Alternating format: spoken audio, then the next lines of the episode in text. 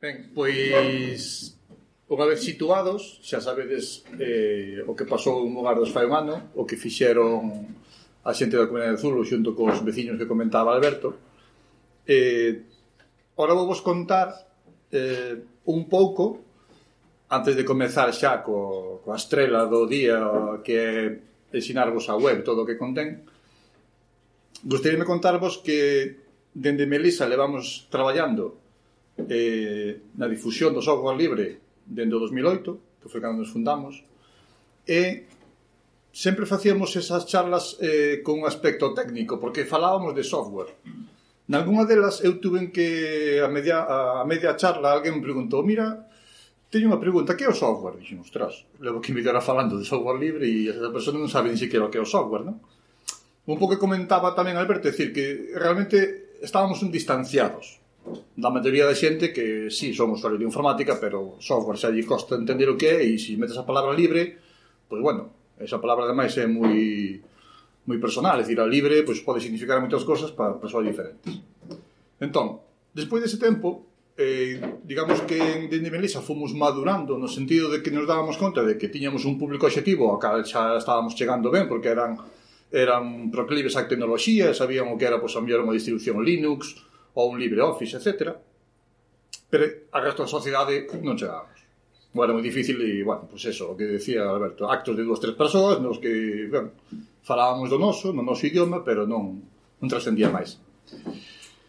Entón, eh, cando coñecimos tamén outra cultura de algo, teímonos conta de que era eh, un paso máis o feito de seguir utilizando as ferramentas que queremos utilizar, que é o software libre, pero dándolle eh, unha un, cari, un tamén, o sea, unha, un aspecto eh, máis cultural, que era a palabra que queríamos introducir, que é a cultura libre, decir, que, que, que é de todos, o sea, que é un pouco máis transversal, decir, non é de informáticos, sino de calquera persoa, como vimos aí que había pois o Juan Fernández que non tiña coñecementos informáticos, que as fichas tiña en papel, non? Incluso non papel, o sea, non libreta, ele iba apuntando ali porque era o que sabía utilizar. Entón, era unha forma de conectar todo.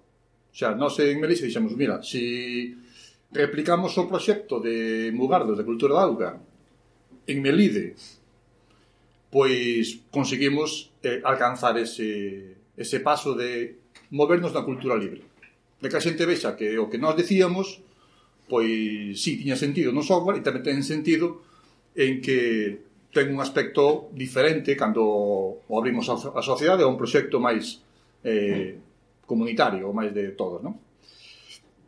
Eh, pois aí tiñamos un traballo por facer. Entón, eh, claro, que dicíamos, bueno, en Melide, que podemos facer? Que catalogamos? En Melide tamén hai lavadoiros, e tamén hai fontes, non?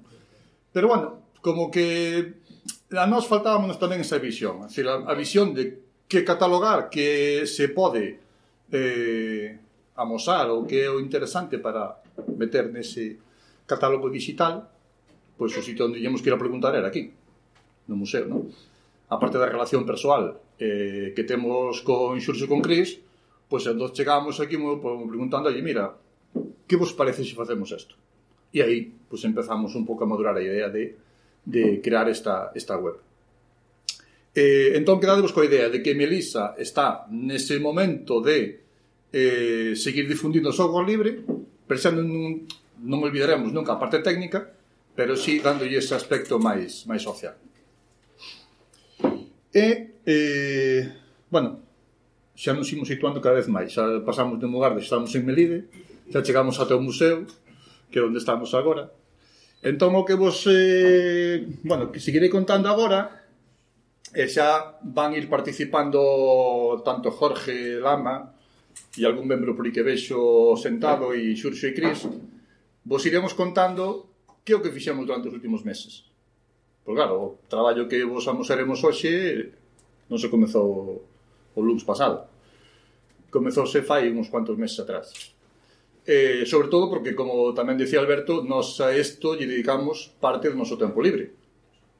O sea, a gran parte, a veces, do noso tempo libre.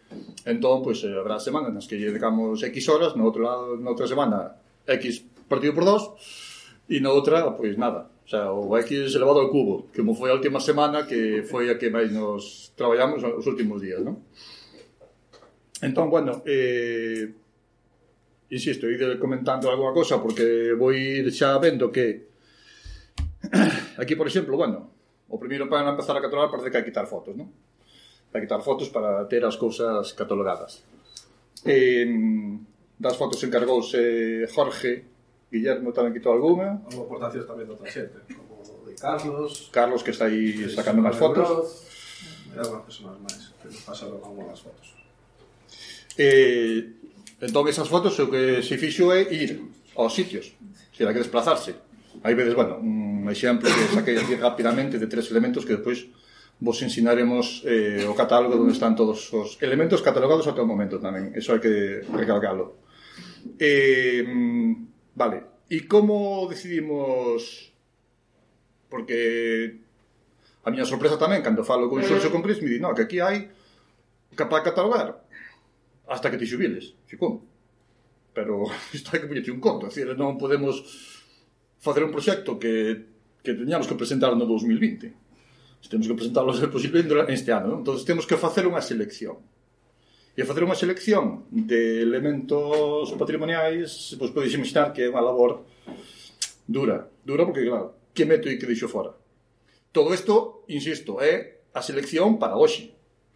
Todo isto, claro. Todos os elementos que non, ve, non vexades aí, non é que non estén nunca máis. Cero, estarán cando, cando o noso tempo libre tamén o, o permita, cando se sumen outros 20 voluntarios que nos boten a man.